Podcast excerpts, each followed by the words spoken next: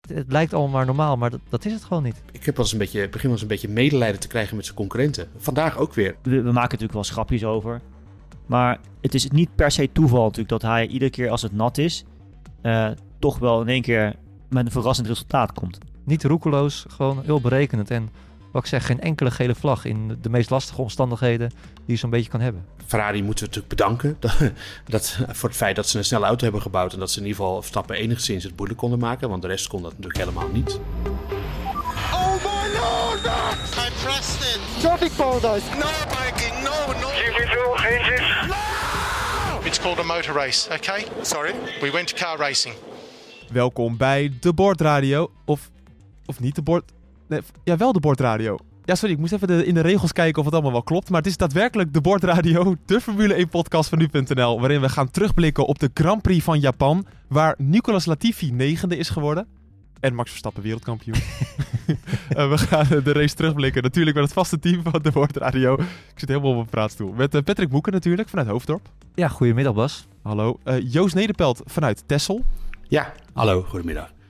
ja, en Hoop in Tung vanuit Hongkong. Jazeker, droog in Hongkong. Ja, en mijn naam is Bas Scharwachter. Ja, je geintje natuurlijk met Latifi. Eh, jongens, het, het is gebeurd. Max Verstappen is wereldkampioen geworden. Joost, wat gaat er door je heen? Ehm, nou, eh, toch wel eh, eh, een mooie bezegeling van een eh, heel mooi seizoen. Waarin Verstappen eigenlijk lang niet altijd de snelste auto had, maar toch echt naar zich toe heeft getrokken. En, eh, dus ik vind het een mooie, mooie bezegeling daarvan. Nou, mo- mooi zo'n inhoudelijke reactie. Dank je. Boeken, wat gaat er door jou heen?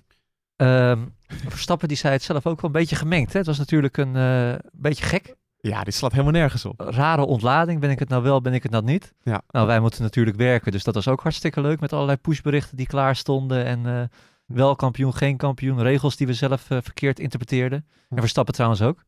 Dus ja, maar bovenal, en dat gaat waarschijnlijk steeds meer de boventoon voeren natuurlijk. Nederland is een tweevoudig wereldkampioen rijker. Ja. In een van de grootste sporten die er zijn. Ja. Dus eh, ja, fenomenaal natuurlijk. Ja, hoop in, dit moet toch wel in, in de top 10 meest bizarre ontknopingen in de Formule 1 komen? Want dit gaat toch helemaal nergens over eigenlijk?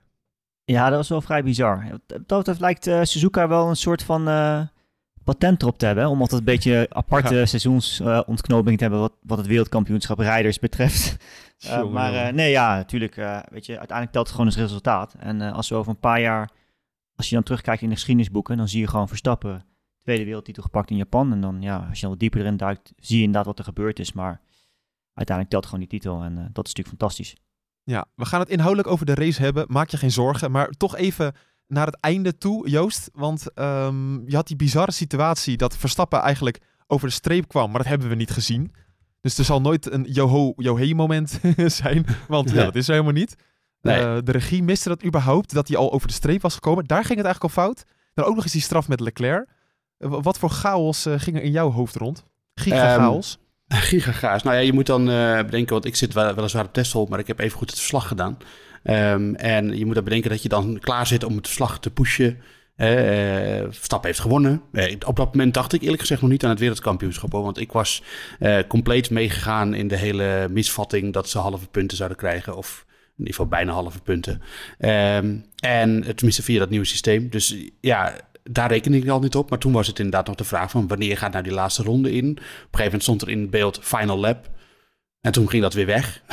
en er was een verwarring ja. over. En je hoorde ook wel bij andere teams. Bij Ferrari, Leclerc vroeg ook aan zijn team. Van, is dit nou de laatste ronde? Weet je wel, wel vast dit het? Toen hij over de streep was gekomen. Dus het was zo verwarrend eigenlijk. En toen ging de verwarring daarna eigenlijk ja, alleen maar door. Dat was ja, raar. Raar, zo wil ik het noemen. Ja, want Moeke, jij deed het live blog. Wat, wat, voor, eh, wat, wat voor chaotische situatie moet dat geweest zijn? Ja, heel chaotisch natuurlijk. Maar wat schreef jij op? Verstappen wint de Grand Prix van Japan, maar is nog geen kampioen. Nee. Wij, volgens onze berekeningen, kwam hij één puntje tekort. Ja, volgens, oké, daar gaan we gelijk. Volgens onze berekeningen. Ja. Kan je uitleggen wat waren onze berekeningen überhaupt? Eh, nou, we hadden een documentje hè, die eh, de, de- ook op de, de sociale media werd geslingerd door uh, Hopin. Ja, Hè? zeker. Eigenlijk is Hopin de aanstichter van dit alles eh, geweest. nee hoor, nee, het was... eh, Altijd schuldig hebben, hè? Ja. Ja. maar daar kon je zeg maar, er waren drie punten eh, verdelingen. Namelijk eentje met eh 25% van de punten, de helft van de punten en driekwart van de punten. Ja. Nou, omdat we meer dan 50% van de race hadden afgelegd, dachten wij, eh, gaat 75% van de punten op. En met die berekening zou Verstappen dan één punt tekort komen om wereldkampioen te worden vandaag. Ja, want dan zou hij dus 19 punten krijgen als winnaar en Leclerc dan 14. Eh, ja, Zoiets. ja, Leclerc 7 minder in ieder geval. En hij had er 8 nodig. Oh ja. Eh, nou, was hij nog geen kampioen. eh, helemaal goed natuurlijk. Gaan we lekker in Austin een feestje vieren. ja. Sterker nog, de mensen die via Play hebben gekeken, die hadden nog een andere berekening. Dat Verstappen 13 zou krijgen en Leclerc dan 10. Want Ja. die hadden weer die 50% De helft meegenomen. van de punten, ja. Dat, eh, had ook, het, eh, ook, eh, het was vorig jaar zou dat zo misschien zijn gebeurd. Maar dat, eh, ja, dat klopte ook weer niet. Maar goed, maakt niet uit. Hij zou in ieder geval geen wereldkampioen zijn. Precies, en bij Red Bull wisten ze het niet. Nou, toen kwam natuurlijk die tijdstaf van, eh, van Leclerc eh, op Perez. Ja. Verstappen schuift een plekje op. Dan zie je vervolgens Johnny Herbert, zie je Max aan zijn arm trekken van... hé hey jongen, je bent toch wereldkampioen. Ja. Japanners juichen op de tribune. Ja. Groot feest. Ja, geweldig. Hè? Verstappen wereldkampioen. Verstappen die het zelf ook niet helemaal kan bevatten. Begint een praatje te houden over hoe geweldig hij het vindt... dat hij wereldkampioen is geworden met Honda. Vervolgens zie je hem achter het podium... eh, met eh, Tom Wood van de, van de FIA. Die, die, Verstappen zegt zelf, ja, ik ben geen kampioen. Ik heb het net van mijn team gehoord, ik ben geen kampioen. Nou, Tom Wood zegt, ja, je bent wel kampioen. Hè? Wij van de FIA weten toch beter dan jij. Eh, nou, Verstappen zegt, ik ben geen kampioen. Dat volgens mij, ik geloof er helemaal niks van. Nou, dus hij staat op het podium ook een beetje raar te wezen. Van, nou, ben ik het nou wel, ben ik het nou niet? Had je nog die, die cool-down room waar Ja, die- niet in zijn eentje moest gaan zitten? Ja, precies. Nou, Ja. vervolgens krijgen we, komt het, eigenlijk werd het pas duidelijk toen de FIA zelf met dat statement kwam van, hé hey jongens, eh, dat reglementenboek hebben jullie gelezen, maar niet goed genoeg. Want ergens bovenin staat ook, nou niet tussen haakjes, maar wel tussen twee komma's, if the race is not resu- eh, resumed. Ja. Eh, als de race niet wordt hervat. Nou, en dat, Hopin had het al getwitterd. Maar Hopin, ja, eh, volgens mij, die zat, zat zelf ook te twijfelen. Ja, het was gewoon niet, niet echt duidelijk. Eh, maar dat cruciale zinnetje zorgde ervoor dat, de- dat, ja, dat gewoon de volwaardige puntentelling werd gegeven. eh, waardoor Verstappen dus alsnog kampioen was. We hadden naar Hopin moeten luisteren. Want die had al nou, zo'n beetje voorafgaand dat de race hervat zou worden, had hij dat eigenlijk al geschreven, toch Hopin? Nou ja, ik schreef mocht de race niet herstart worden, omdat dat heel duidelijk in de reglementen staat in artikel 6.5. Ehm, kijk, achteraf is het natuurlijk altijd makkelijk praten, want de race is dus wel herstart en dan, dat betekent dus eigenlijk dat artikel 6.5 niet meer van toepassing is. Nee. Eh, en, en dus de volledige punten worden uitgegeven. Alleen, en dat is nu het commentaar wat je natuurlijk ook wel zult gaan krijgen, eh, is dat artikel wel een beetje, ja, is dat, is dat zoals die bedoeld is eigenlijk? En dat is natuurlijk het hele probleem. Hè? Dit is na Spa vorig jaar, dat hele debakel met eh, die race achter de safety car, is dat artikel 6.5 aangepast. We hebben het er nog even bijgepakt. Er is het een en ander aangepast, maar vooral eh, in relatie tot de safety car en de virtual safety car. Namelijk dat er dus minimaal twee honden nu echt geraced moeten worden. eh, onder groen, zeg maar. Dus niet achter een safety car, virtual safety car situatie. om dus een race te hebben. En als die dan alsnog wordt stilgelegd, dan worden dus die punten eh, op, en niet wordt herstart, worden die punten op die manier eh, eh, toegekend. Alleen ja, zelfs als ik terugkijk nu naar de sporting regulation van vorig jaar, staat het eigenlijk hetzelfde in volgens mij. En dus daar is het toch nog wel iets in. Ik, ja, we hebben het al natuurlijk vorig jaar na, de, na het seizoen ook al een paar keer over, over te veel over regels gehad. Ehm, Hm. Zal er wel weer naar gekeken worden en zal daar wel een aanpassing in gaan, gaan plaatsvinden. Want dit, ja, ik kan me niet voorstellen dat dit zo bedoeld is. Nee, want en ik, Joost, ja, is- ik heb, ja, het is geen reclame voor de sport ook eigenlijk, Joost. Want die, die hele verwarring en die ontlading, dat is Verstappen een klein beetje ontnomen. Want het, het was allemaal zo ongemakkelijk. Ja, maar je kunt je natuurlijk wel afvragen door wie het eh, hem is ontnomen. Dus ik zit er een beetje tweeledig in. Aan de ene kant kun je zeggen, eh, de Formule 1 had het bij het juiste eind altijd al. Want ook tijdens de race werden gewoon de volwaardige punten getoond. En toen werd er op Twitter nog, Twitter, eh, Twitter altijd, werd er nog zo gedaan van haha, bij de FOM zitten ze niet op te letten en halve punten. Eh, en, eh, maar ja, zij hielden zich gewoon aan, aan die eerste zin waar Hoop in het net over had, van als het hervat wordt, dan, dan, dan is deze regel niet van kracht en dan worden gewoon de volledige punten uitgedeeld.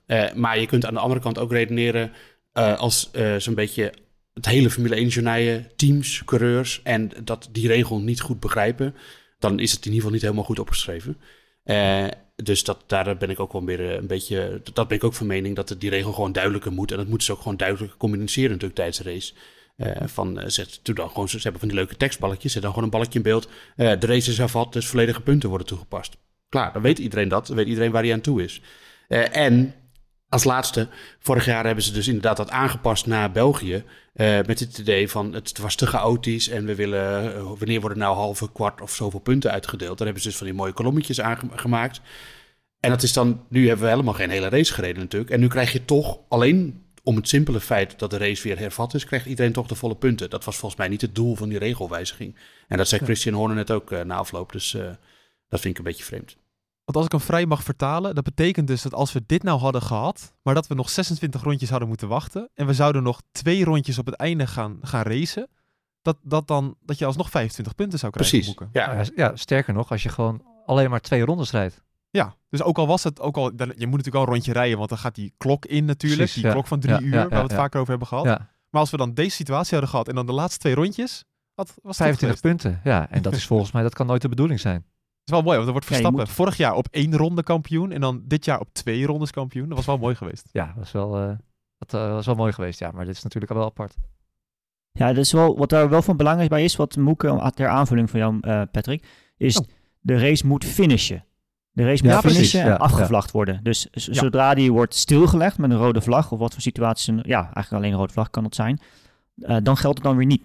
Dan, als je dan twee ronden hebt gereden, geldt die tabel zoals die Joost aanhaalde, eh, dan wel weer. Maar als de race daadwerkelijk finisht, met Ja, een finishvlag, gewoon aan het precies, einde van ja. de volledige tijd die ervoor staat, eh, die drie uur dus, eh, dan geldt het hele artikel 6.5 niet. En dat Ja. is natuurlijk een beetje, ik wil niet te ver teruggaan graven in het verleden, maar dat was natuurlijk in Abu Dhabi ook het geval, dat uiteindelijk toen door Masi een beslissing werd genomen, waardoor de artikelen van de safety car destijds niet meer van toepassing waren. Dus ja, je creëert hier heel erg, ja, ook wel gewoon, ik wil niet zeggen chaos mee, maar het is, in principe is deze tekst relatief duidelijk. Alleen ja, ik ben er wel eens bij Viaplay ook op mijn vingers doorgetikt door tafelgenoten.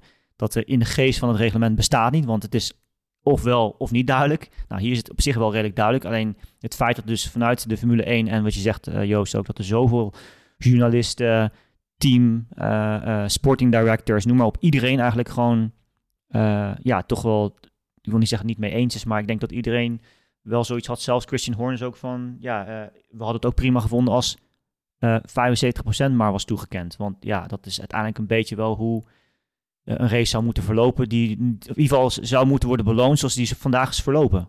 En daar ben ik ja. op zich wel mee eens. Want eigenlijk, altijd als de finishvlag dus wordt gezwaaid, worden er volwaardig punten uitgekend. Dat is nu wat we eraan snappen. Dat is nu de regel, kort gezegd. Ja. Ja, en dat is natuurlijk, wat, want dat voorbeeld wat je net aan had, ja, dat is natuurlijk vrij bizar Ja. als dat Maar- zou gebeuren. Aan de andere kant, Joost, het kan best wel een mooi ding worden dat als Verstappen kampioen wordt, dat het gewoon gek moet. Dus of we, we, we verzinnen een... Nou, eigenlijk twee keer wordt er een beetje gesjoemeld. En misschien is het correct, hè, wat we vandaag gezien hebben. Maar er wordt wel een beetje... ja, de regels worden vrij geïnterpreteerd. Dat wil ik misschien een beetje zeggen. Nou, ik, nee, daar ben ik het eigenlijk niet mee eens. Het, eh, de regels zijn gewoon niet zo heel goed opgeschreven. Niet Hm. super duidelijk, maar Ja, als, er gewoon, vergelijken natuurlijk. Ja. als er gewoon duidelijk staat dat het alleen geldt, is, eh, geldt als de race niet hervat wordt, dat staat er gewoon. Dus ja, we, we moeten gewoon zelf eh, in de spiegel kijken en zelf beter opletten en zelf de regels beter lezen.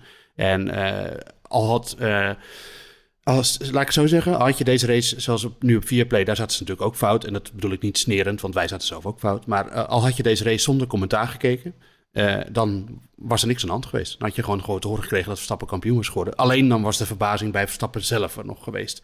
Maar Oh ja, ja. Dat, ja, dat is natuurlijk ook gek, want Red Bull moet dat het reglement ook van binnen en van buiten kennen. En dit zijn natuurlijk relatief nieuwe regels, al is die zin waar we het net over hadden niet nieuw.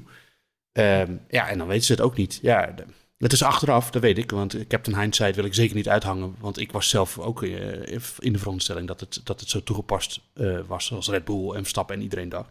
Ja, tuurlijk. Maar ja, maar ik vind dat dus nee, van het woord joemelen wil ik je zeker niet bij gebruiken. En eh, het enige wat je kan zeggen is dat je nou, dat het eigenlijk veel spannender was en dat het om de wereldtitel ging voor Verstappen tussen Perez en Leclerc en dat wij dat niet Ja. echt door hadden. Dat is het Nee, ergste. maar eh, ja, ik zat hierover na te denken. Hoe was die laatste ronde geweest, die laatste chicane, als we dit wisten? Ja, was, Dus, dus dan hadden we met z'n allen moet- moeten schreeuwen naar de tv, als je fan was van Verstappen. Van Perez, je moet er nu voorbij, want dan is hij kampioen. Dit is jouw moment. In Abu Dhabi moest hij verdedigen tegen Hamilton. Nu moest hij aanvallen bij Leclerc.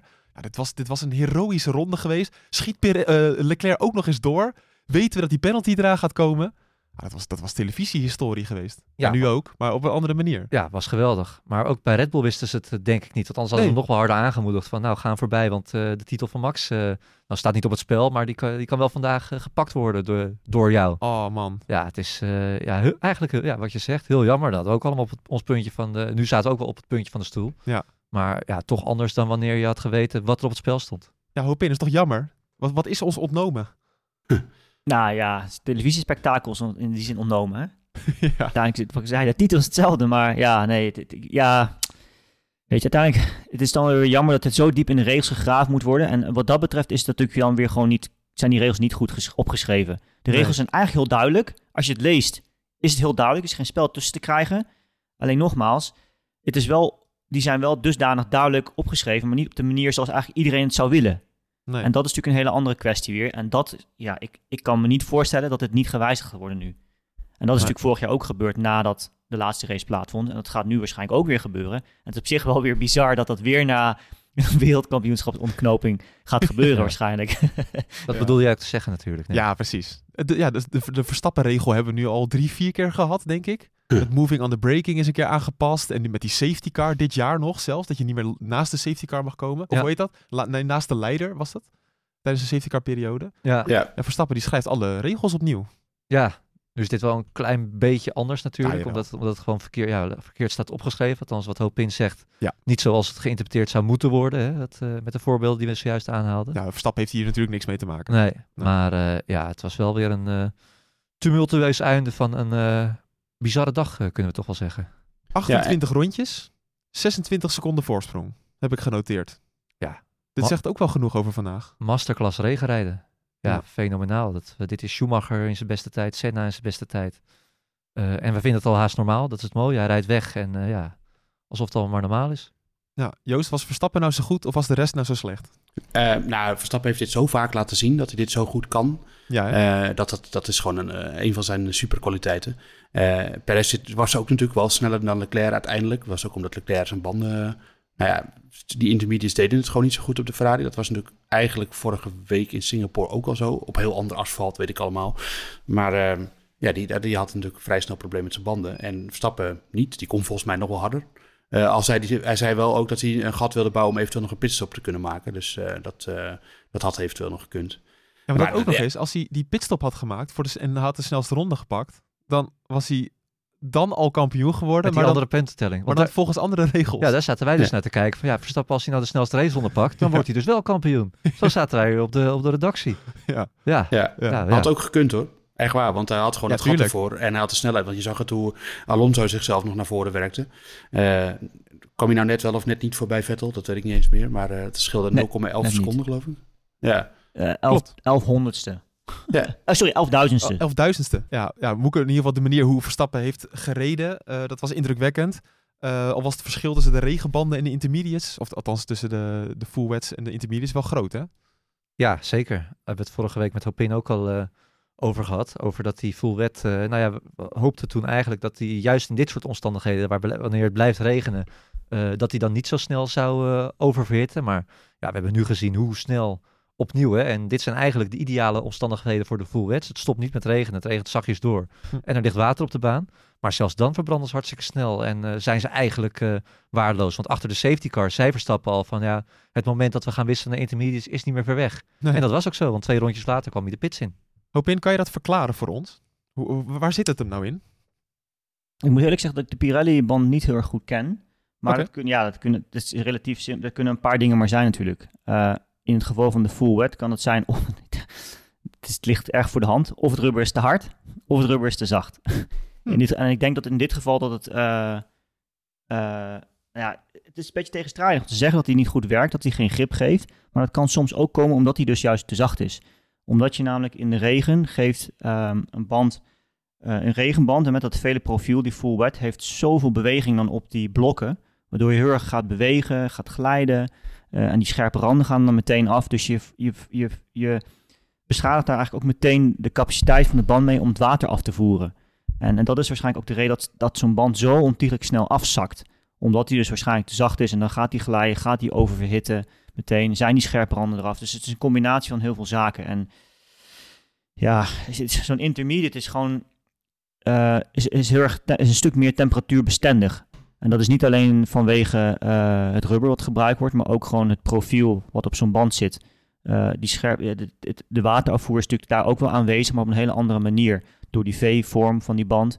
En daardoor schijnen die scherpe randen daar ook gewoon iets minder van belang. En je hebt ook minder beweging op de band, zoals we dat noemen. Dat die zeg maar op die blokken zo, zo, zo zo'n voerwet gaat op die blokken ook heel erg bewegen. Dat heeft een intermediate niet. En je zag gewoon bijvoorbeeld bij Leclerc na de race dat hij dus bijna geen profiel meer op die band had zitten ook. Ja. En dat is ook de reden volgens mij waarom hij zoveel snelheid verloor. En het probleem daarbij ook eerder is, als je heel veel profiel en rubber dus verliest bij zo'n Inter, dat je temperatuur verliest heel snel. En, en dat geeft dan ook weer een heel groot, het draagt dan weer een heel groot gedeelte bij aan de grip die je weer verliest. Ja, want je zag eh, dat Leclerc heel goed kon bijblijven, Joost, bij Verstappen op de full wets. En toen alleen al in de eerste ronde intermediates zag ik dat hij 3,5 seconden sneller was, Verstappen, dan Leclerc. Eh, de outlap. De outlap, had, ja. Je had dat er ook niet mee te maken dat Leclerc even op Perez moest wachten eh, in de pits. Volgens mij had het er ook wel mee te maken. Hoor. Oh, dat zou ongetwijfeld kunnen. Ja, want de, ze Red Bull die double stackte natuurlijk met, eh, met Verstappen en Perez. En uh, Leclerc stond erachter, dus die moest toen heel even wachten. Oké. Dus ja, dat had er wel mee te maken. Maar inderdaad, daarna liep Nutteloze Verstappen, statistiek dan. daarna liep Verstappen zo makkelijk weg. En ja, ik, ik, ik, Leclerc staat natuurlijk ook niet bekend als een enorme regenrijder. Ik weet niet of dat daar ook iets mee te maken heeft.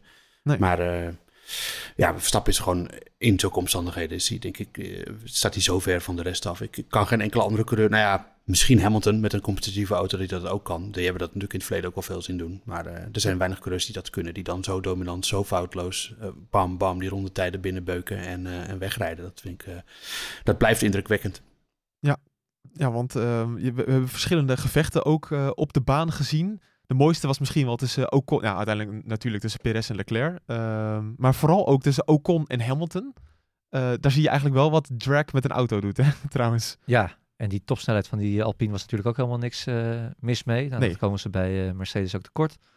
Ja, ik denk dat Hamilton zich wel heeft zitten opvreten. Want ook hij houdt normaal gesproken van dit soort omstandigheden. Ja, je hebt toch zo'n statistiek dat hij op een gegeven moment acht, negen races op rij een, een regenrace won. Klopt, ja. ja. Dat waren andere Formule 1 tijden. Dat lijkt ook alweer erg ver weg. Hm. Wat het natuurlijk niet is, want volgens mij was dat vorig jaar, uh, tot twee jaar geleden nog. Nou, weet, weet ik, maakt allemaal niet uit. Ja. Maar uh, ja, nee, die heeft zich waarschijnlijk ontzettend zitten opwinden. Tegelijkertijd zei hij wel na afloop van, nou, ik heb me, het was een leuke race, ik heb me wel vermaakt. Hm. Hè, op dat punt zijn we al aangekomen. Lewis Hamilton die uh, als vijfde finisht en gewoon zegt, ja, ik heb een leuke race gehad.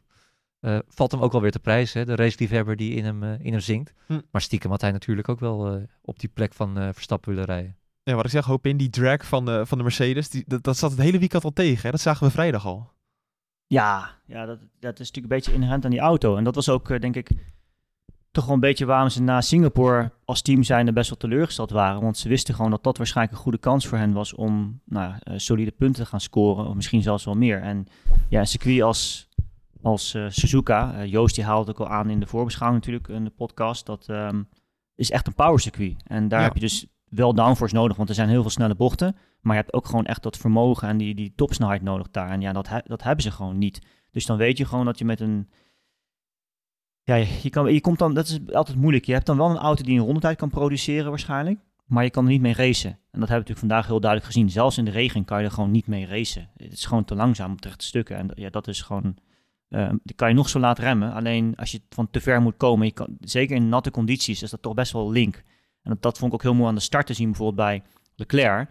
Zodat ik even een, een sprong maak hoor. Maar uh, hoe, hoe, hoe, hoe, voorzichtig zeg maar, eigenlijk Leclerc op die binnenlijn was. Omdat je natuurlijk heel snel in het nat het probleem hebt dat je net even heel, net iets te veel doorschiet en net iets onderstuurt dan echt in één keer bij de ander die aan de buitenkant zit uh, naar binnen kegelt.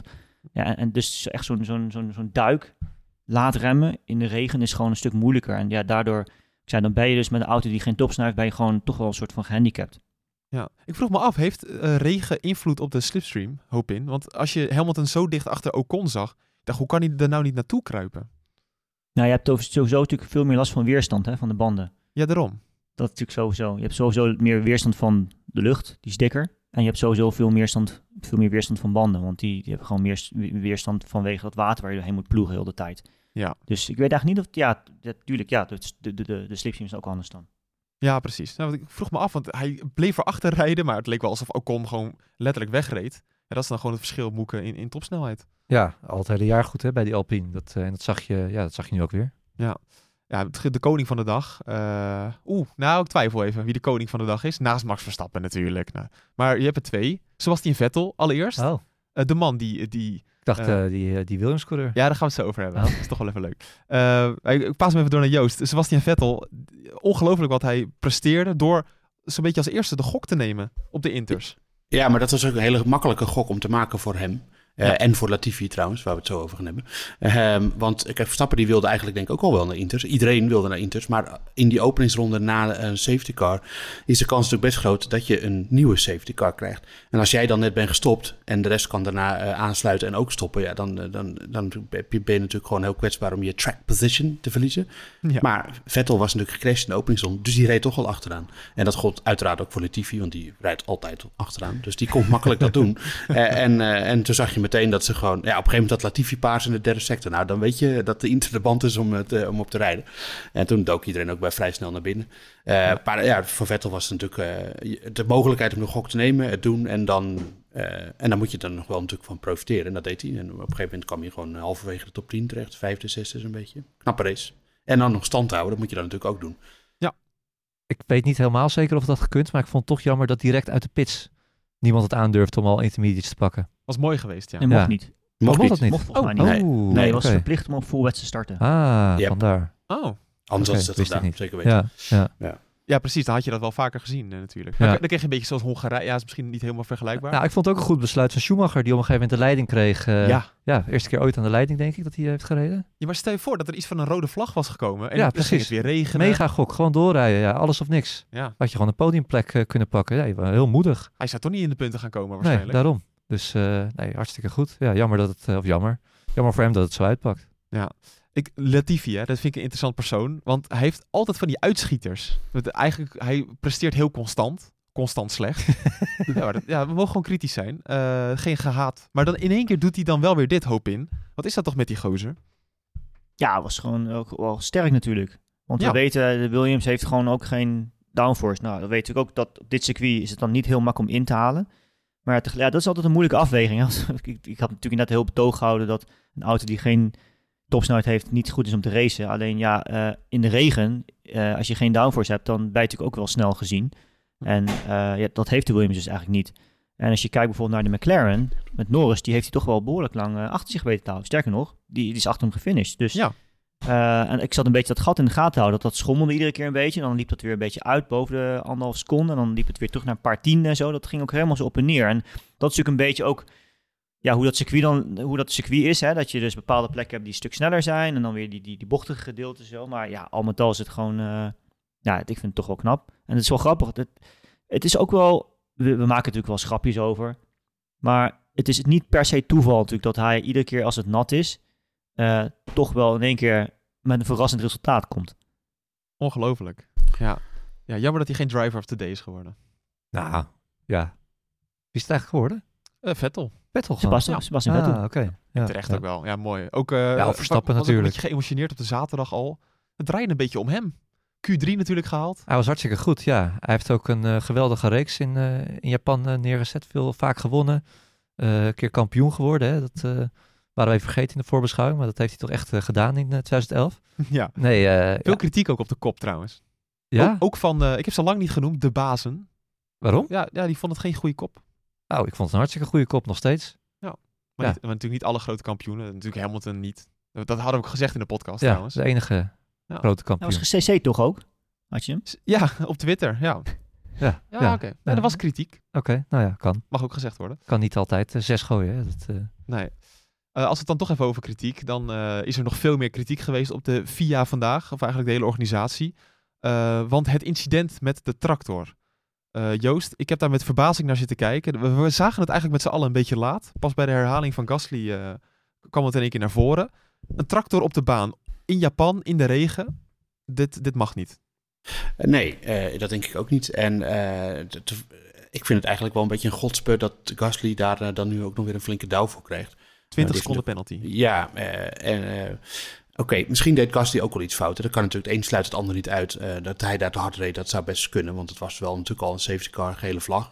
Ehm, dus dan moet je toch een beetje snelheid minderen, denk ik. Dus dat, Hij, dat- hij reed op een gegeven moment tijdens, volgens mij was het de rode vlag zelfs, reed hij 251 op een bepaald Ja, stuk. Dus ik denk dat dat, dat hoop in het met me eens is dat dat te hard is dan in die omstandigheden. Alleen het punt met, was met die trekker. eh, eh, ze zeiden van eh, ja, hij reed het langs het incident terwijl er een rode vlag was. Maar als je naar die beelden kijkt, je hebt natuurlijk die, die lampen langs de zijkant die geel of rood aangeven. Hij gaat op het moment dat hij langs die één lamp gaat, is hij nog geel. Maar op het moment dat hij langs gaat, springt hij op rood. Dus je weet niet of hij dat gezien heeft. Volgens mij kan hij het ook op zijn stuur zien, dus oké. En echt één of twee seconden later rijdt hij voorbij dat, dat voertuig. En dan bij het volgende lampje, dan is hij op rood. Ehm, ja, eh, dat is één ding. Wat, wat, had hij daaraan kunnen doen? Had hij vaart kunnen minderen? Uh, dat is één kant van het verhaal. En de andere kant van het verhaal is natuurlijk... wat deed dat ding überhaupt op de baan? Ja. Maar ja, dat is wel moeilijk, want je, die dingen rijden wel vaker op de baan. Want je kan natuurlijk niet voor elke crash een code rood doen. Maar niet al op dat moment. Dat is natuurlijk het probleem. En dan moet het, uh, het kan wel tijdens een safety car zijn, maar dan moet het hele veld zijn aangesloten, denk ik. Hoop in.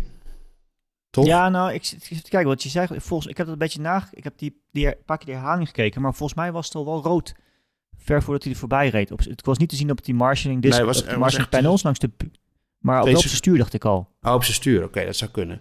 Ja. Dacht ik hoor, maar dat weet ik niet zeker. Maar weet je, het is altijd een hele moeilijke discussie, zulke soort dingen. Want je wilt natuurlijk ook als race director zo snel mogelijk dan de, de baan weer vrijmaken. Om te, ja, er spelen heel veel belangen. Alleen, kijk, in dit geval, ik, ja, het is te hard. Ik heb het ook nog even opgezocht. Onder de red flag moet je...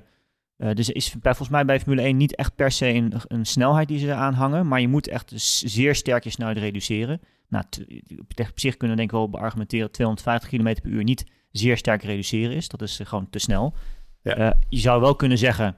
En dat heeft volgens mij Gasly ook gezegd. Dat was pas nadat dit incident was gepasseerd.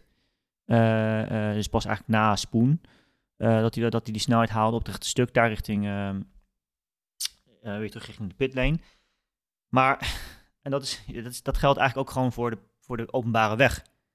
Het maakt eigenlijk niet uit hoe snel je rijdt. Als jij met 60 of 80 een boom raakt, of in dit geval dus een tractor raakt, dan, dan is, ben je er altijd slecht aan toe. Want je staat gewoon in één klap stil.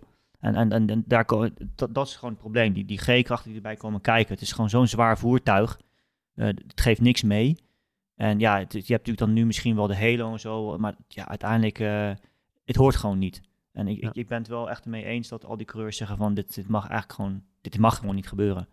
Nog even voor de duidelijkheid, ik zit de beelden toch nog even terug te kijken. De rode panelen die eh, waren al rood aan het knipperen. Eh, en hij reed er 200 km per uur langs. Ja, ja bizar. Ja, maar je- die panelen die waren wel net op rood gesprongen dat hij er langs reed. Hè? Want, eh, nou, voor de, voor, dat is dat knikje naar rechts. En in die Ja. knik was het al rood. Dus dan moest hij nog die knik Je kan op maken. zijn stuur duidelijker zien, denk ik, Bas. Ja, daar zie ik... Daar heb je die eh, twee lampjes onder, zeg maar, je hebt die, die, die shift lights en dan heb je aan de zijkant. En dan de twee onderste lampjes, die zijn rood als het goed is. Ja, bij hem zit het aan de bovenkant waarschijnlijk. Dat ziet er Oké. wel rood uit inderdaad. Ik vind Ja. het ook wel meer een taak voor het team hoor. Dat je als team toch ook je coureur gaat coachen Ja, bij zo'n geval. Absoluut. Ja. Maar voor de duidelijkheid ook, eh, er zijn ook beelden van Verstappen. Die rijdt ook al voorbij die truck. Oh, het Ja, ja. Het Ja. hele veld is er langs gereden. Ja. Ja, maar, Volgens mij. maar dat, is toch, dat moet je toch ook al niet meer willen? Of is dat wel nog wat normaal? Ik, ik weet niet meer hoe dat gaat eigenlijk. Ja, nou ja, wat ik zeg, je kan, je, die voertuigen zijn af en toe nodig. En daar hoef je niet elke keer de hele race voor stil te leggen natuurlijk. Want dan is alles een rode vlag. Ja. Eh, dus op zich het feit dat zo'n voertuig in beweging komt, is misschien niet heel raar. Maar eh, denk je niet op in? Of, je hoopt Dus in ik, zit bedenkelijk over na, kijken. ik, zit daarover, ja, ik zit daarover na te denken, want dat is dus de reden. Ook dat je eh, dat ze zijn auto wegslepen vaak, hè? En dat ze dus ook gewoon kranen hebben langs de baan vaak, op veel, veel circuits. Omdat je dus gewoon geen voertuigen op de baan wilt hebben eigenlijk. nee, En, nee, dat is eh, dus misschien eigenlijk gewoon, ja. En ik zit even te denken of, of, of waar of wanneer dan ook wel zo'n tractor wordt gebruikt. Want ik kan me eigenlijk niet herinneren dat er, dat ik dat op andere circuits heb gezien recentelijk nog Nee. tractor Nee. tijdens de race. En normaal gesproken is het natuurlijk wel zo, ja, zeker als je weet ook dat er een rode vlag gaat komen, of dan, dan moet, kan je toch gewoon even wachten die 30 seconden tot iedereen voorbij is. Ja, maar toen reed hij dus al op de, op de baan. Ja. Eh, want hij reed Ja, al... precies, dus eh, dat is, dat is een fout geweest, denk ik. Ja, ja. En, eh, en, en ik- het is natuurlijk extra pijnlijk dat het in Japan is. Hè? Ja, precies, En, ja. eh, maar aan de andere kant is dat ook wel weer een andere situatie, hoor, denk ik. Maar toch, Joost, Bianchi. voor, voor- toch even uitleggen voor de mensen die eh, misschien Ja. heel lang de sport volgen. Eh Jules Bianchi 2014. Ja, Ju- Jules Bianchi, die, eh, dat- was op hetzelfde circuit. Niet, niet in dezelfde bocht, gelukkig. Maar eh, eh, om het nog pijnlijk, het zou nog pijnlijker zijn. Maar eh, die eh, was ook een gecrashed. Adrian Sutil was gecrashed met zijn eh Sauber. En eh, toen was er ook een safety car, als ik me goed herinner. En toen was er ook zo'n bergingsvoertuig. Die stond niet trouwens op het circuit, maar die stond in de grindbak, vlak bij de vangrail. En die reed terug achteruit reed hij met auto eraan, reed hij naar, de, naar de, een gat in de vangrail. Ja. Eh, en eh, Bianchi kwam toen aan eh, met zijn auto en hij was nog niet aangesloten bij de safety car, dus hij reed best wel snelheid. En hij ging van de baan, hij schoot van de baan af. Ja.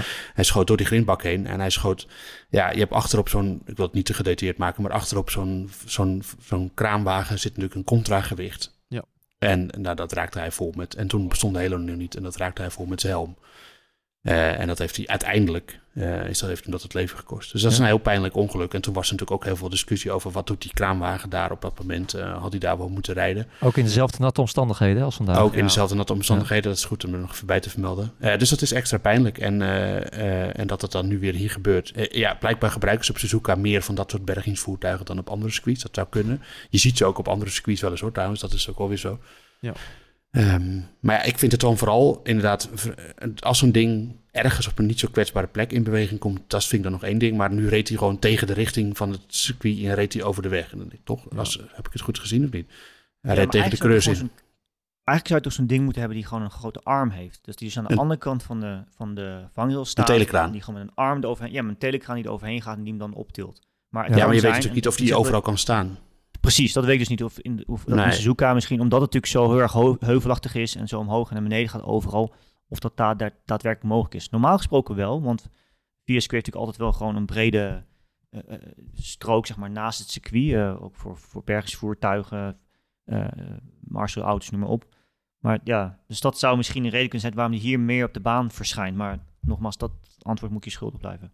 Ja. Ja. en dan nog een ding om toe te voegen. Bij het wegwerken van de auto van Sainz stond er ook een medewerker vol op de baan. Toen er ook nog iemand hard langs reed. Dus daar, daar is zoveel fout gegaan. Ja, Ja. het zag er niet lekker uit allemaal. nee, eh. dat is het. Ja. Het is een beetje een aparte situatie. Eh, gelukkig goed afgelopen. Ja, en, dat, en dat bord, dat Ja, bord wat in één keer loskomt van- en op ja, de van baan Gasly. terechtkomt. Wat ook nog met hoge dat, snelheid dat werd gewoon een meegenomen. reclamebord. Ja, Ja man, dat is ook echt, moet je, daar moet je eens over nadenken. Als dat dus gewoon om een andere hoek op zijn auto komt, ja, dan heb je dus echt een probleem. Ook, Ja. ook echt een probleem.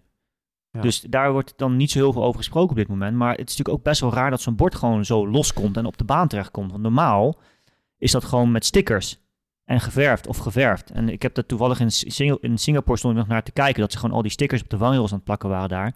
Ik vind het heel raar dat het hier gewoon een bord is wat erop geplakt is. Want dat blijkt wel weer, dat kan dus gewoon loskomen en op de baan belanden.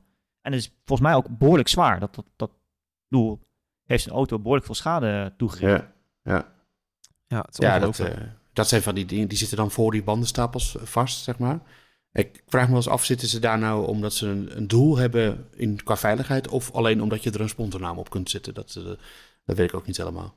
Eh, volgens mij zou een, gewoon alleen een bandenstapel ook vol staan. Alleen, eh, als het, zou het nog Ja, erger maken... Ja, het zou het nog, ja, precies. Het zou het nog erger maken dat het ding daar alleen zit... omdat er dan een sponsornaam op kan. Dat, dat zou ik nog wel erger vinden. En ze zijn natuurlijk populair voor de fans. Hè? Dat hebben we uh, Moeke in Oostenrijk gezien. Oostenrijk was die eh, Rolex-borden. bordenparade, ja. Ja. Dat iedereen die borden meenam. Er werd toen best wel een, hit, een, een, een trend. Ja, was mooi. Ja, ja. Ehm, Nou, mooi. ja. Ook weer niet de bedoeling, toch? eh, Nee.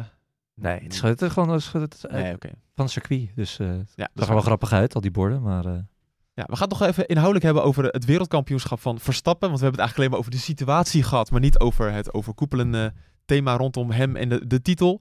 Maar dat gaan we eerst even doen aan de hand van het NuSport GP-spel.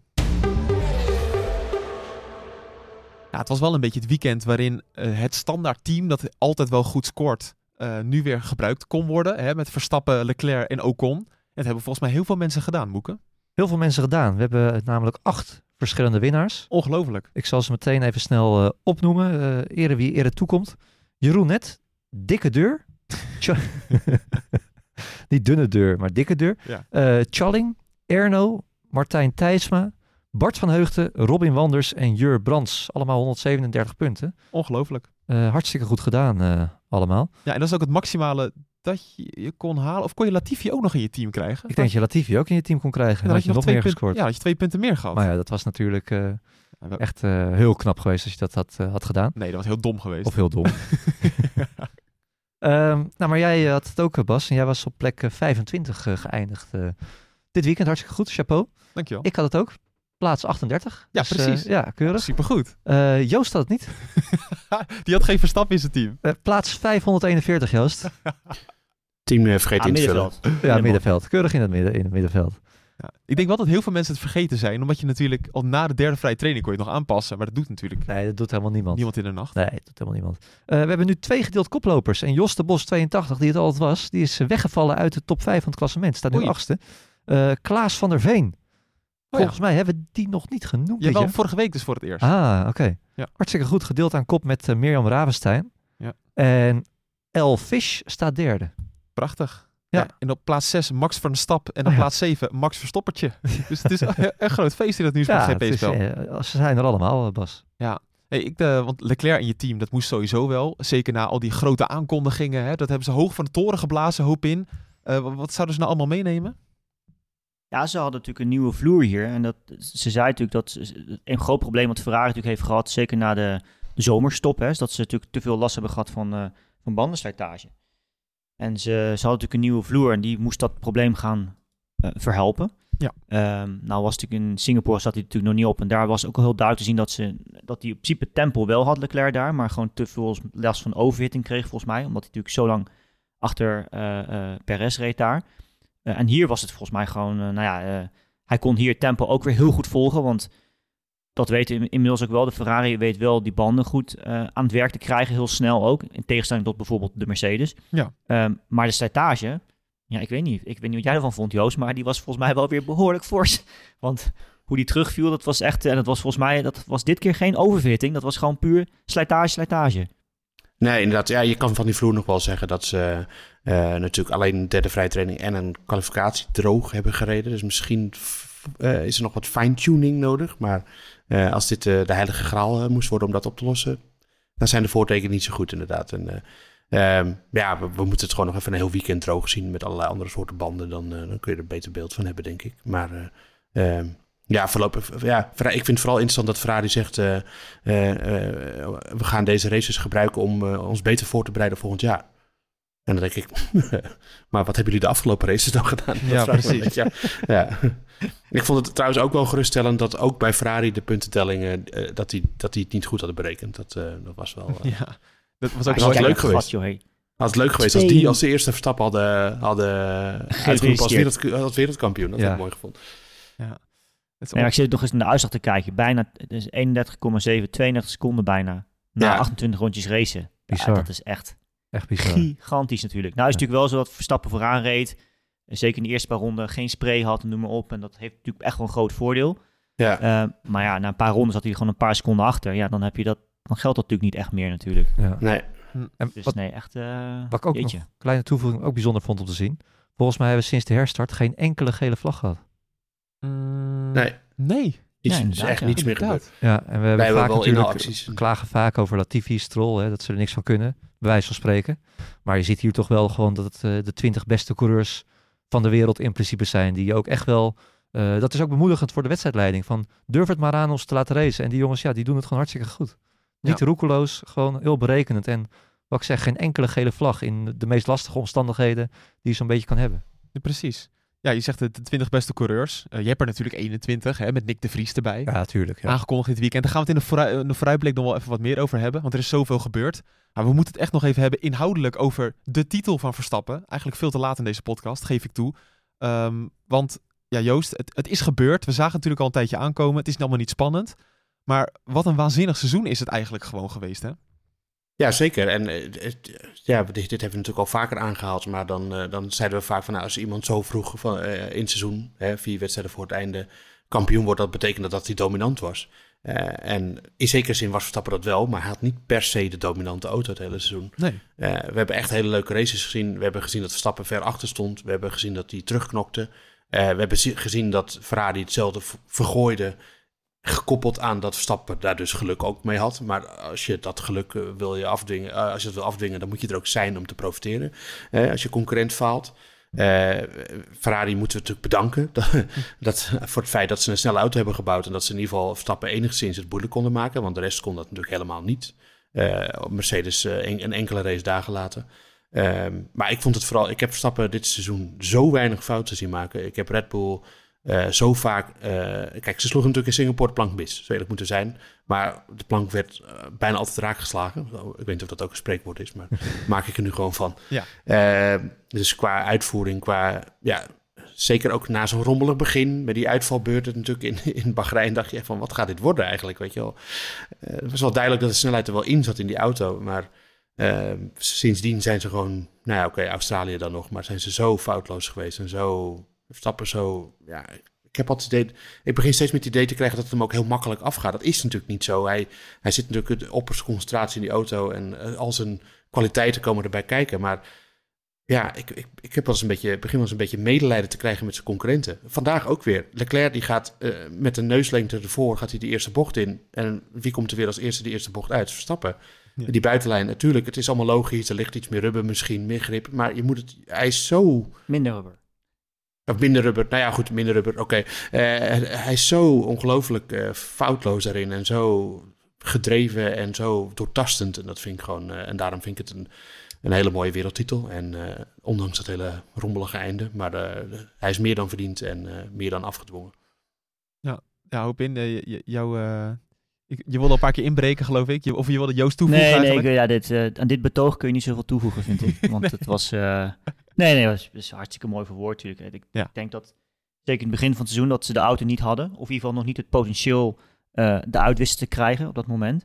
Wat ik overigens heel mooi vond vandaag, dat was op een gegeven moment uh, begin van de race, de, de, de herstart eigenlijk, dat ze zo langzaam door de chicane reden, had je een relatief laag shot had je. En daar zag je toch ook wel volgens mij een beetje het geheim waarom de Red Bull dit jaar toch wel relatief, uh, zeker in de tweede helft van het seizoen, in ieder geval niet afgezien van het begin van het seizoen, zo goed is geweest. Want hij staat relatief hoog. Je kon echt helemaal mooi onder die auto echt doorkijken. Nou is het natuurlijk ook zo, door die full wet sowieso hoger. Alleen uh, zij zijn natuurlijk de enige geweest die, dit jaar die eigenlijk gewoon nergens problemen hebben gehad met porpoising. Dus zij hebben zich eigenlijk vanaf de eerste race, van het eerste moment dat de auto op de baan kwam, alleen maar kunnen concentreren op performance. En dat is natuurlijk iets wat, ja, dat, dat werkt uiteindelijk gewoon door. En dat zie je dus bij Ferrari. Dus ondanks dat zij waarschijnlijk in eerste instantie de beste auto hadden gebouwd.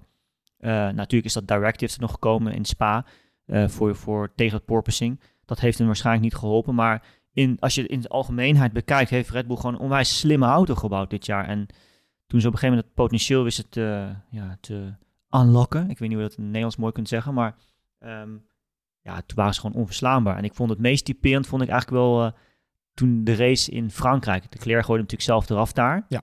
Maar dat vond ik niet eens het, het mooiste. Ik, wat ik het meest typerend vond, was eigenlijk het bericht na de race. Dat, uh, volgens mij was het GP tegen Verstappen of Horner. Dat hij zei van, uh, ja, eigenlijk wel jammer dat hij hem eraf gooide, want uh, had nog best wel een mooie race kunnen ja. Ja. Echt, de, het, het, zelfvertrouwen wat daaruit bleek, gewoon het feit dat ze gewoon wisten van, we hebben nu het pakket. We hebben nu de auto waarmee we gewoon, ja, kom maar, iedere situatie die je op ons afgooit, die je gewoon naar ons toe uh, brengt, daar weten we wel mee te, te dealen. En dat, dat, dat, daar, daar kunnen we compet competitief in zijn. En ja, dat, dat was voor mij zo'n duidelijk moment dat ik dacht van, wauw, dit, dit seizoen kan eigenlijk nog maar één kant op gaan vanaf dat moment. Ja, dat, dat zegt eigenlijk ook alles. Want dat was de race naar Oostenrijk. Nou, dat was, die werd juist weer gewonnen door Leclerc. Hè. Daar hadden we toch allemaal het gevoel van, hey, zou het misschien nog kunnen? Ja, wat een ik weet niet wat we toen geroepen hebben dat weekend. Maar dat was een we waren daarbij, Moeken. Ja. Wat een rampweekend was dat eigenlijk. Nou ja, daar had, daar had Ferrari weer gewoon de, de snelle auto over een, uh, over een hele, hele race. Ja. En uh, ja, als je dat dan durft te zeggen, ook uh, in Frankrijk, hè, waar Leclerc ook nog uh, voor je rijdt, viel uit daar in leidende positie. Hm. Ja, dat tekent alles inderdaad.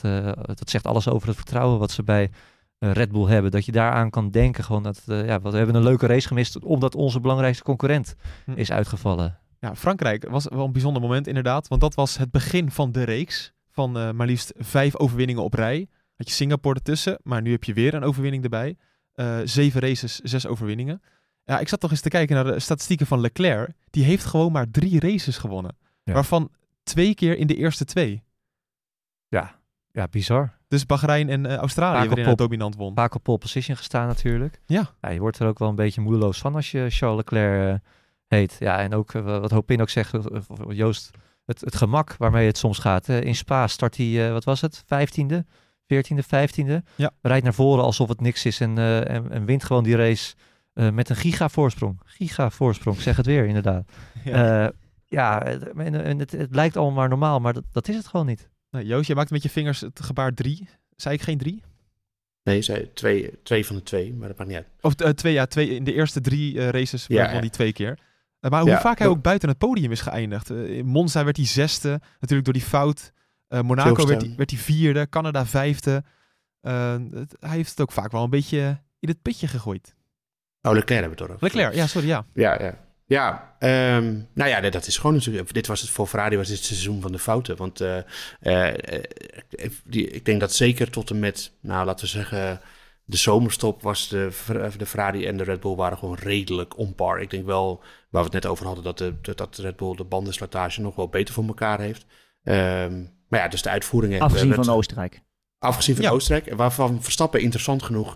Ik vroeg hem dat in Singapore, eh, wat hij nou zijn eh, ommekeer in het seizoen vond. Of in ieder geval zijn, zijn, eh, dat hij voelde dat het zijn kant op ging. En dat kwam. En dat was in, of ja, na Oostenrijk.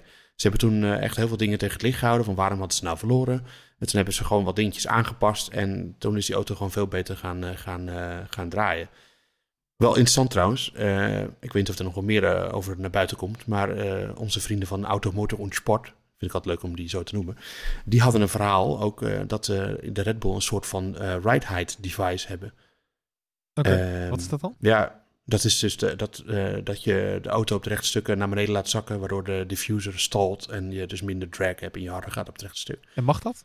Dat vraag ik me Het altijd mag. meteen af in de Formule 1. ja, dat mag. Eh, we hebben dat vorig jaar ook bij Mercedes gezien. trouw- Oh, namelijk, eh, toen hebben we dat ook uitvoerig besproken. Alleen het idee, ik, ik, ik, dit is allemaal hypothetisch, want ik weet niet of Red Bull dit heeft, maar dat zei de Automotor en Sport en hier zitten er vaak, die slaan de plank niet heel vaak mis. Ik gebruik dit spreekwoord echt vaak, me nu. Anyway, eh, Mercedes heeft dat vorig jaar ook gehad, eh, dat ze dus de, de vloer laten zakken op de rechte stukken en dat dan de diffuser stopt met werken, waardoor die luchtweerstand verdwijnt en waardoor je harder gaat op het rechte stuk. Ja. En ehm, eh, dat zou Red Bull nu ook hebben, wat is heel extra knap zou zijn, omdat al die exotische dempers en veringen en, waar, en, en waarmee Mercedes dat deed, die mogen allemaal niet meer. Ehm, dus eh, goed, het schijnt dat Leclerc er ook een keer wat over gezegd heeft, dat hij hem het opviel dat de, de Red Bull op het rechte stukken wel heel erg doorzakt. En dat zou natuurlijk ook kunnen verklaren waarom hij in de bochten misschien wat hoger kan staan, wat Opin zei. Ik vind het een interessant eh, thema en dan gaan we verder nog eens onderzoeken hoe dat zit. Maar uiteindelijk, ehm, we hebben het over de auto natuurlijk, maar inderdaad, dat vond ik wel mooi dat je zei, Joost, dat Verstappen zo weinig fouten dit seizoen heeft gemaakt. Ehm, dat ik misschien nog een paar races geleden nog wel had dat het ook een beetje aan Ferrari lag. Hè, dat zij zoveel blunders hebben gemaakt en Monaco Nou, blijft ons steeds een beetje bij. Maar dat, dat is dat gewoon niet meer een relevant. beetje aan. Het ligt ook een beetje aan Ferrari, natuurlijk. Ja, maar een Eh, klein ik beetje bedoel, nog maar. Nee, oké, maar stel nou dat, dat Leclerc die fouten ook niet had gemaakt. Ja. Dat zegt natuurlijk niks over de, de, de, de- Maar dan relatief aan Verstappen had hij dan veel beter gedaan. En dat zegt verder niks over Verstappen. Ja. Eh, dus eh, natuurlijk, het heeft altijd te maken met je concurrentie. eh, hoe goed je presteert. Maar het het fout dat Ferrari fouten maakt, is omdat Verstappen ze niet maakt. Ja. En dat is Ja. natuurlijk als je kijkt naar, naar bijvoorbeeld Budapest, Hongarije. eh, daar dwingen ze Ferrari gewoon in een situatie waarin ze een risico moeten nemen. En, en dan zit het natuurlijk achteraf allemaal te lachen van haha, stom dat je naar die harde band gaat, wat een sukkels. Alleen, ja, als Verstappen gewoon niet zo sterk was geweest die race, geen, nou, eh, daar spin je natuurlijk toevallig dan wel, maar afgezien daarvan reed natuurlijk ook weer een ijzersterke race. En ja, omdat Verstappen dus zo sterk is, geen fouten maakt, ehm, ja, dwing je daarmee andere teams, in dit geval natuurlijk Ferrari, in een positie dat ze dus veel risico moeten gaan nemen. Ja, en dan maak je dus veel makkelijker fouten. Dat blijkt wel. Sterker nog, vandaag eh, natuurlijk ook weer, hè. Maakt Leclerc gewoon weer onder druk een fout. Moeken. Op het laatst, Ja. bedoel je, bij Perez. Het is Ja, een fout. eigenlijk eh, wel. Ja, het is ook een alles of niets poging hoor. Want Perez was natuurlijk wel veel sneller. Ja, maar hij gaf geen, geen druk meer echt in die eh, laatste bocht. Nee, dat is, dat is waar. Ja, ja, zou, ja, eigenlijk wel. Als je het zo bekijkt. Maar hij had natuurlijk wel de minst snelle auto dit keer. Ik vond het ook weer niet een hele grote fout. Door, nou ja, ja, door die fout hebben we wel dit hele gedoe gehad. Ja, dat is waar. Heeft hij het eerste half uur van deze podcast gefilmd? Ja, ja, klopt. Ja, een onduidelijk regeltje. Maar als, eh, als hadden we het vooral over de kraan gehad, denk ik. ja, ook. Ja, en over de titel natuurlijk. Ja, precies, dat dat er dan aan ging komen in... Ja. eh, Nee, maar het is ja, en dat is gewoon het verschil ook tussen. kijk, ik denk dat we het allemaal met elkaar eens zijn als we zeggen dat Leclerc gewoon een topcoureur is, een, eh, een wereldkampioen. In wording misschien wel. Ja. Eh, heel goed, maar ja, het is absoluut nog geen Max Verstappen. Dat hebben we dit jaar wel gezien. ja. Wel leuk dat we het heel vaak over de nummer drie van het kampioenschap hebben nu. Ja, Perez staat gewoon Want tweede. Perez staat gewoon tweede. Ja. Het scheelt weliswaar één puntje, maar dat wordt, wordt nog wel geinig. Er werd ook nog gevraagd aan Verstappen of hij misschien Perez gaat helpen. Maar toen zei hij in één keer, en Joost daar hebben we het vaak over gehad, Verstappen is niet bezig met records, maar nu in één keer wel, hè? Hij is wel, ja. Had je dat gezien? Eh, nee, dat heb ik niet gezien, want toen was ik druk met ja, de slag. Maar op ik kan, Viaplay. ja. Tom, eh, ja, Tom kan die, zei dat. die vroeg dat aan hem. ik Ja. kan invullen wat hij gezegd heeft inderdaad. Hij wil natuurlijk gewoon zoveel mogelijk races nog winnen. Hij wil ze allemaal winnen. Toch? Dan ga ik Ja. verder. Zeker. Ja, hij, hij kreeg de vraag inderdaad of, of, of hij Sergio Perez zou gaan helpen, hè, die, eh, eh, in het kampioenschap. Ja. Maar hij begon te lachen en eigenlijk, hij zei niet no way, maar daar kwam het wel op neer. Ja. Hij zegt, ik ben nog één zegen verwijderd van het record van Schumacher en Vettel. Dat is Ja. 13 en hij heeft er 12 dit seizoen. Ja, nou die wil ik ook wel pakken ook. En dat is het ook. Dat is gewoon, eh, ja, dat is, dat is denk ik wel Verstappen. Dat, eh, hij spreekt het niet vaak uit dat hij die records wil pakken. Maar hij wil ze allemaal pakken. Hij wil natuurlijk de beste Formule 1 coureur alle tijden worden. Hij wil ook die records van Schumacher en Hamilton pakken als het even kan. Natuurlijk. Ah, daar heb ik nog steeds mijn twijfels over. Tuurlijk wil hij dat. Ja. Ja. Als, als, als hij dat materiaal heeft, tuurlijk. Er is geen coureur dat, die dat niet zou willen. Nee, dat is waar. Het leuke is ook, hoop in, als je dan kijkt naar de komende races, daar gaan we het nog uitgebreid over hebben. Maar Amerika, Mexico, Brazilië, dat, dat is allemaal topsnelheid. Dan moet een makkie voor de Red Bull worden bijna. Ja, ja, goed. Tenzij dus die, die vloer van Ferrari in één keer magisch is. Maar dat zijn natuurlijk wel eh, Red Bull baantjes die eraan gaan komen. Ja, Dus dan kan hij op het 15 ziet er komen. goed uit. De kaarten liggen goed voor hem. Maar goed, dat, eh, ja, dat, dat wil natuurlijk niet altijd alles zeggen. Als je kijkt naar dit weekend, eh, lagen de kaarten ook goed voor hem. Maakt het uiteindelijk wel waar. Maar de omstandigheden, die maakt het natuurlijk ook weer lastiger voor hem. Want ja, uiteindelijk zo'n regenrace eh, gooit wel weer heel veel nieuw in de mix.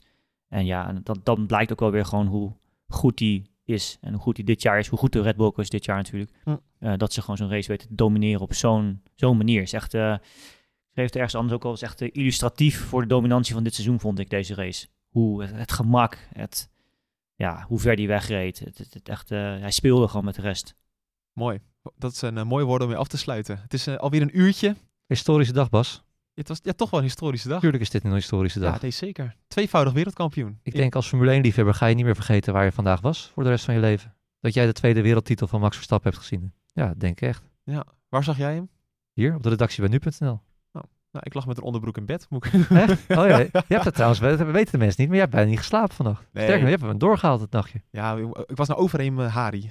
Ja, Over, eh, ook voor over verslag, hè? genadeklappen gesproken zeg. Ja, goeiedag. Ja, ongelooflijk. D- Dit was hem. Ehm, het einde van deze historische podcast. Laten we dat toch weer even zo noemen. Misschien zo eentje die je over 30 jaar nog een keer terug gaat luisteren. Zou leuk zijn, ja. Als het nog bestaat allemaal. Voor in de boeken. Voor in de boeken. Ik wil hoop in... Hij moet, ze, moeten vooral vaak, ze moeten vooral vaak nu luisteren, toch? Dat is goed voor de, voor de ranking. Ja, dat, Pas, is, toch? dat is waar. Ben je, die nog vergeten. Nee, zeker. Zeker. Eh, en als je nou ook nog eens, als je hem dan geluisterd hebt, nog even eh, gaat abonneren op de Bordradio. Dan gaan nog heel veel meer mensen hem natuurlijk eh, eh, volgen. Dat zou, zouden wij hartstikke leuk vinden. En we gaan eh, ook nog eens afwachten op woensdag. Want dan wordt bekendgemaakt wie de genomineerden zijn voor de Podcast Awards. Oh, is dat woensdag? Ja, geloof ik. Oké, nou leuk. Ja, dus dat wordt ook grappig. Hopelijk zitten we erbij. Anders is gênant. We hebben allemaal dingen lopen oproepen. Ja, dat kan ons wel schelen. We zijn de schaamte al lang voorbij. Joh. Dat, eh, Ja, dat is waar.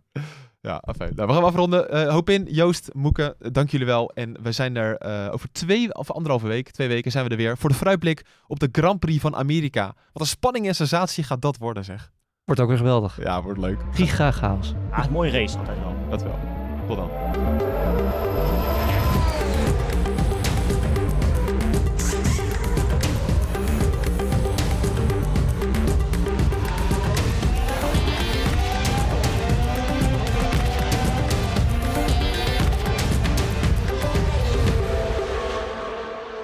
Vraag me alleen een beetje af, eh, waar moet je dan nog naar gaan kijken? Ja, misschien daar, daar ga je natuurlijk het gevecht tussen Perez en Leclerc heel groot maken. En Alpine en McLaren wordt dan lachen. Ja, Nee, nee, nee, nee, nee. nee. De afscheidstoer van Latifi. Daar gaan we naar kijken. Oh. ook. Ja. Ja. Ja, leuk.